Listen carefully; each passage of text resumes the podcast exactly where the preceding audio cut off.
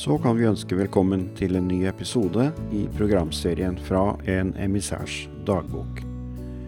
Der Kari Margrethe Renser Løvgren gir oss et tilbakeblikk på legmannsbevegelsens begynnelse, og hva dette fikk å bety for landet vårt.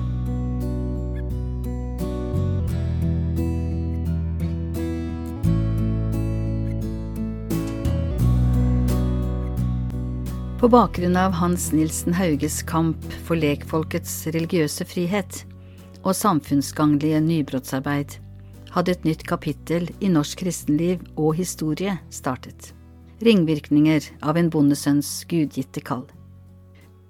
Men etter Hauges død i 1824 skulle det enda gå 18 år før Stortinget, med haugianske bonderepresentanter i spissen, tvang gjennom vedtaket om å oppheve konventikkelplakatens hundre år gamle forbud mot gudelige forsamlinger utenom i kirken, og vidløftige taler av lekmenn, som det het.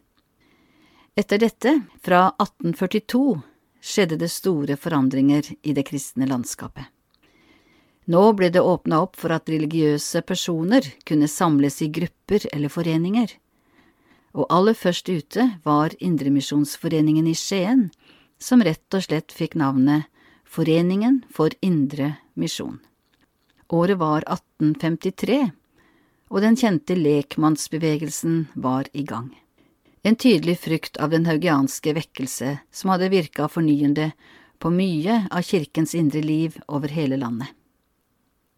Et solid grunnlag var dermed lagt for det frivillige, kristne arbeidet som utfolda seg nå i denne nye bevegelsen, ledet av lekfolk, men likevel der mange hadde sin tilknytning til Den norske kirke.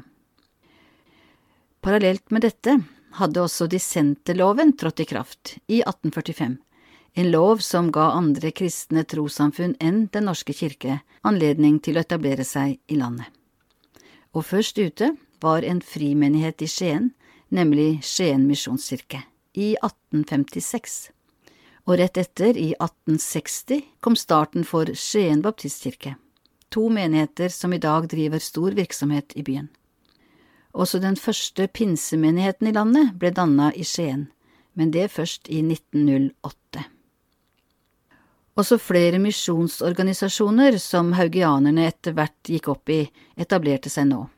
Først ute i 1942 Det Norske Misjonsselskap, i 1867 Santalmisjonen, og mot slutten av hundreåret Norsk Luthersk Misjonssamband i 1891. Men tilbake til Foreningen for indre misjon, som det nå ble flere av utover i landet. Nå het det seg at skikkede mend skulle sendes ut som ombærere for evangeliet. Men den tittelen varte ikke lenge. Endringen kom i 1868, da foreningen bytta navn til Den norske Lutherstiftelse. Heretter skulle de omreisende tjenere for Herren kalles bibelbud. Disse bibelbudene, som arbeida kortere eller lengre tid av året, gikk fra sted til sted for å selge kristen litteratur, og etter hvert også for å holde oppbyggelige møter. Det nye nå er altså salg av hefter og bøker sammen med møtevirksomhet. Dette fordi Den norske Lytterstiftelse hadde etablert eget forlag, Lytterstiftelsen, som helt opp til våre dager har hatt sin virksomhet som Luther forlag, nå en del av Lunde forlag. Som en kuriositet kan jeg ta med at bokhandelen Bok og Media i Oslo innehar de samme lokalene som Lutherstiftelsen hadde til sin bokhandel fra 1898. Ingen tilfeldighet da at over skrivebordet til daglig leder henger en kopi av Adolf Tidemanns berømte maleri Haugianerne, røttene til den kristne bokhandelen i Akersgata 47 i dag. Hvordan var arbeidsforholdene for bibelbudene? Foruten å selge bøker og forkynne Guds ord, ble en spesiell praksis lagt på utsendingene nå, nemlig dette at de måtte forplikte seg til å føre dagbok over virksomheten sin. Og hvorfor det?